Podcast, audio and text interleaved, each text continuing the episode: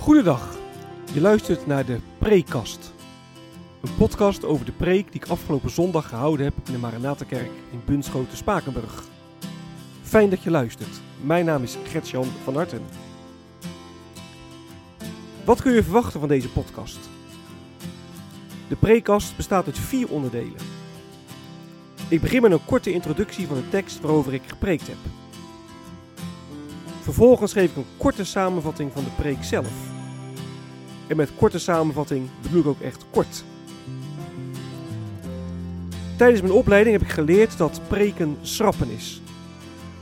Niet alles wat je in de voorbereiding gevonden en bedacht hebt, kan terugkomen in de preek. Wat heb ik laten liggen wat het overdenken wellicht waard is? Daar wil ik het over hebben in het derde deel van de preekkast.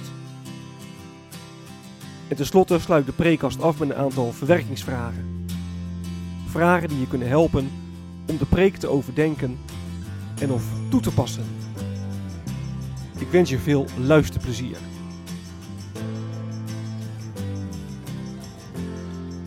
De tekst.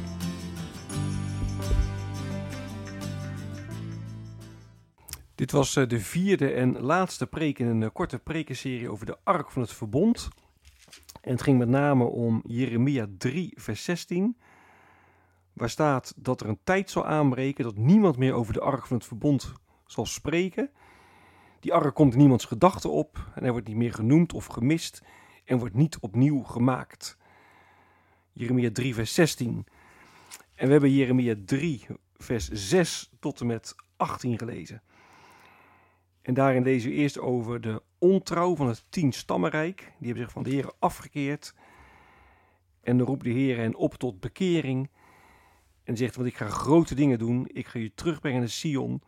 Ik ga herders geven naar mijn hart. Ik uh, zal zorgen dat jullie in, uh, in, in aantal weer toenemen. Het land weer zullen bevolken. En dan komt de tekst, hè, niemand zal meer over de ark van het verbond met de Heer spreken. Die komt in niemands gedachten op en wordt niet meer genoemd, gemist en wordt niet opnieuw gemaakt. Dan zijn we vers 17, zal men Jeruzalem troon van de Heer noemen. Nou, alle volken zullen daar naartoe trekken. En in die tijd, zo eindigt het uh, gedeelte dan, zal Juda zich bij Israël voegen.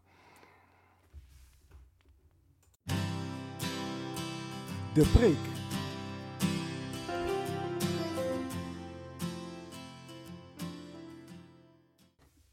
Luister naar die prachtige toekomstmuziek.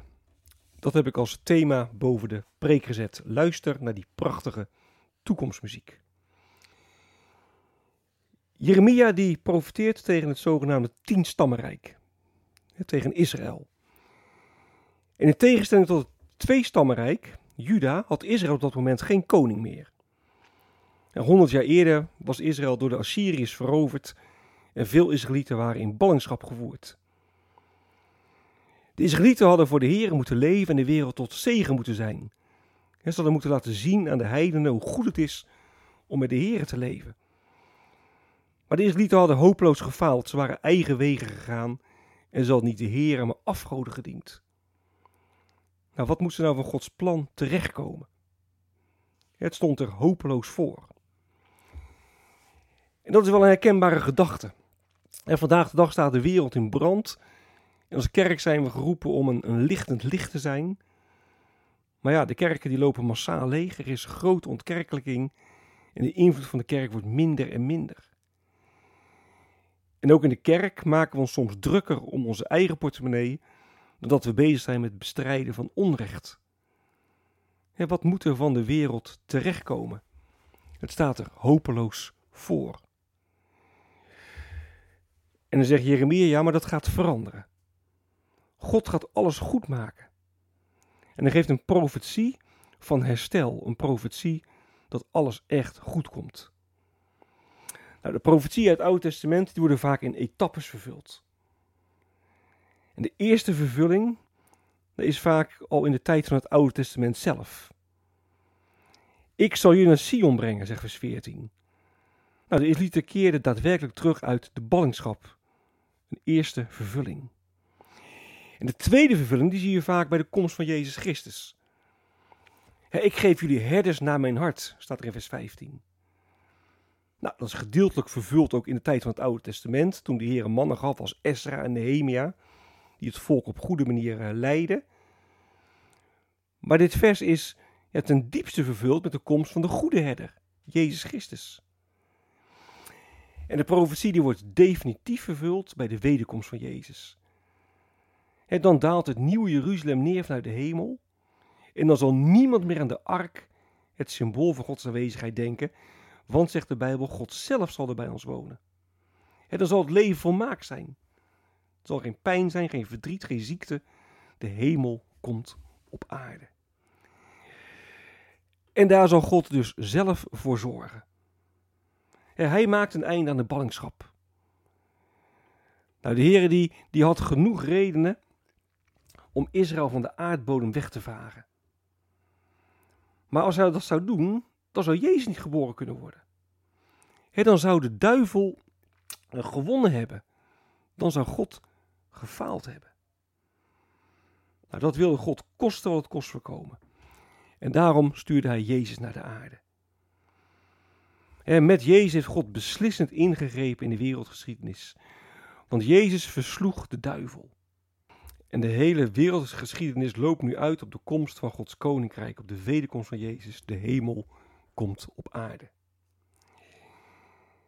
En als burgers van Gods koninkrijk dragen wij een grote verantwoordelijkheid. wij zijn geroepen, geroepen om te leven als burgers van Gods rijk. Zuinig zijn op de schepping. Je inzetten voor sociale gerechtigheid. Je verzetten tegen racisme.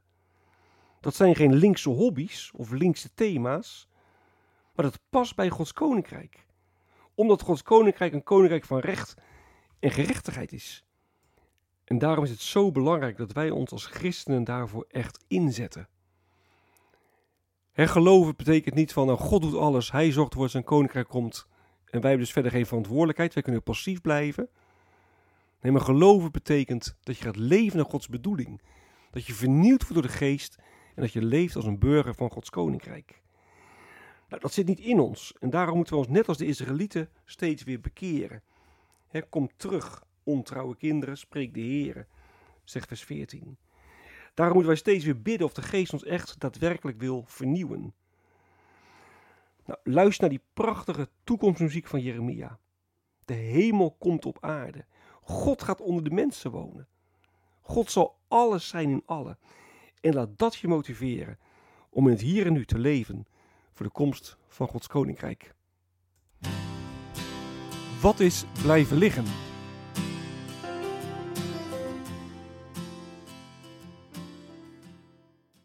Na de dood van uh, koning Salomo was Israël uiteengevallen in twee delen. Je had het noordelijke tienstammenrijk, Israël genaamd, met Samaria als hoofdstad. Je had het tweestammenrijk, dat werd Juda genoemd. En van het tweestammenrijk was Jeruzalem de hoofdstad. En Jeremia profeteert dat het tienstammenrijk en het tweestammenrijk, dat Israël en Juda weer herenigd zullen worden. Nu had het uh, tienstammenrijk zijn eigen heiligdommen. De eerste koning van het tienstammenrijk, koning Jerobiam, had hij eh, laten bouwen, want hij wilde niet dat zijn onderdanen naar Jeruzalem toe gingen om daar in de tempel de heren te vereren. Hij dacht, ja, dan worden ze dus te veel beïnvloed door de mensen van het tweestammenrijk, dus ik moet mijn eigen heiligdommen uh, zien te krijgen. Dus daarom liet hij heiligdom bouwen in Dan en eentje in Bethel. En daar moesten de mensen uit het noordelijke uh, rijk God vereren er werd geofferd, er werkten ook priesters, hoewel het uh, geen levieten waren.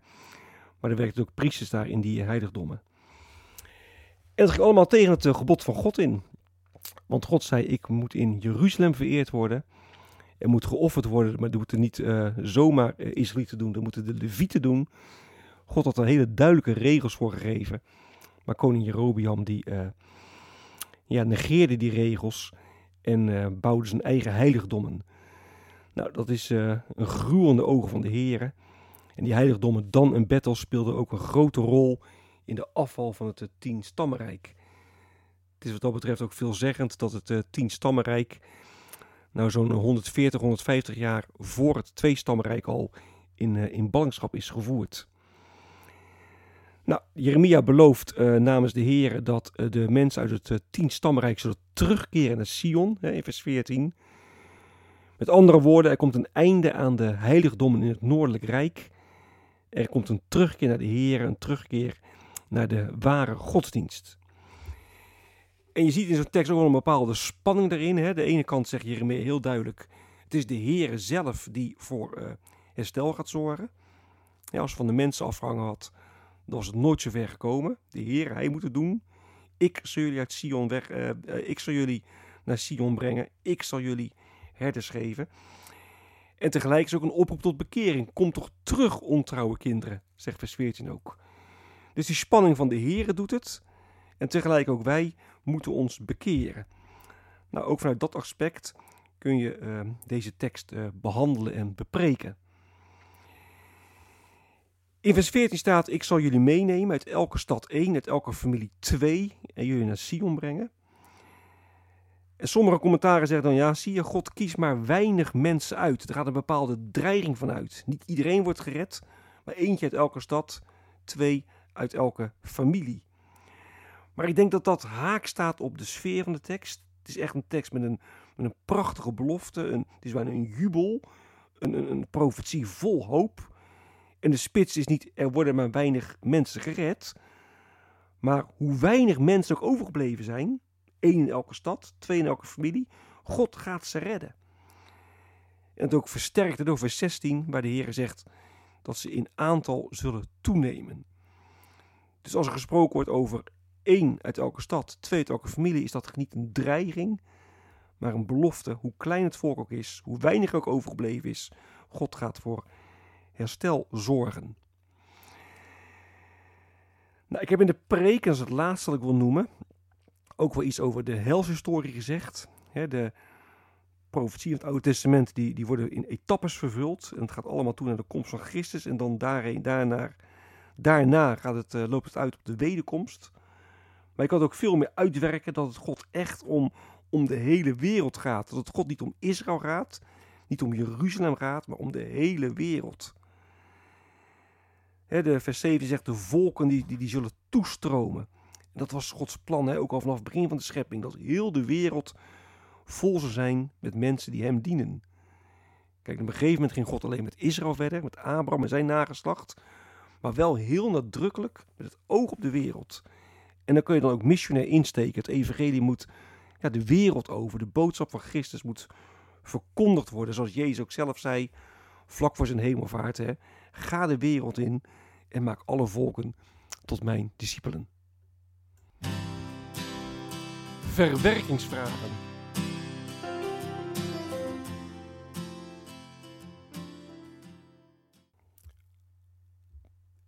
Israël wordt in de profetie van Jeremia opgeroepen om zich te bekeren. vers 14. Kom terug, ontrouwe kinderen, spreekt de Heer. Nou, op welke onderdelen moet jij je bekeren? We kunnen natuurlijk heel makkelijk over bekering in het algemeen hebben. Of men moet zich bekeren, of de wereld moet zich bekeren, of andere mensen moeten zich bekeren. Maar op welke onderdelen moet jij je bekeren? De tweede vraag is: kun jij voorbeelden in je leven aanwijzen waaruit blijkt dat je leeft als een burger van Gods koninkrijk? Ik heb in de preek gezegd: het koninkrijk van God komt. Wij zijn burgers van het koninkrijk. In het hier en nu zijn wij al geroepen om de handen en voeten aan te geven, om daarnaar te leven. Nou, kun je in je leven voorbeelden aanwijzen dat je inderdaad daadwerkelijk leeft als een burger van Gods koninkrijk? Israël was geroepen om de wereld tot zegen te zijn. Zo zijn wij geroepen om als gemeente ook een lichtend licht en een zoutend zout te zijn. En mijn vraag is, hoe kunnen wij nou als Maranatenkerk in ons eigen dorp, hoeveel kan de gemeente waar jij lid van bent, nou echt concreet een lichtend licht zijn? En een vraag die je aan vast wil koppelen is, wat is jouw rol daarin? Want we kunnen natuurlijk heel makkelijk afgeven op de kerk en zeggen, de kerk die schiet tekort. En de kerk zal ongetwijfeld op heel veel punten tekort schieten. Maar wat is nou jouw rol erin? Hoe kan jij nou ervoor zorgen dat je als gemeente een lichtend licht en een zoutend zout bent? En de laatste vraag is: welke rol speelt de komst van Gods koninkrijk in jouw leven? We zijn op weg naar een prachtige toekomst. Maar welke rol speelt de komst van Gods koninkrijk in jouw leven? Dit is het einde van de prekast. Mocht je vragen of opmerkingen hebben, dan kun je me mailen op mailadres van hartengretjan.gmail.com. van. Ik wens je nog een hele prettige dag. Hartelijk dank voor het luisteren. En wie weet, tot een volgende keer.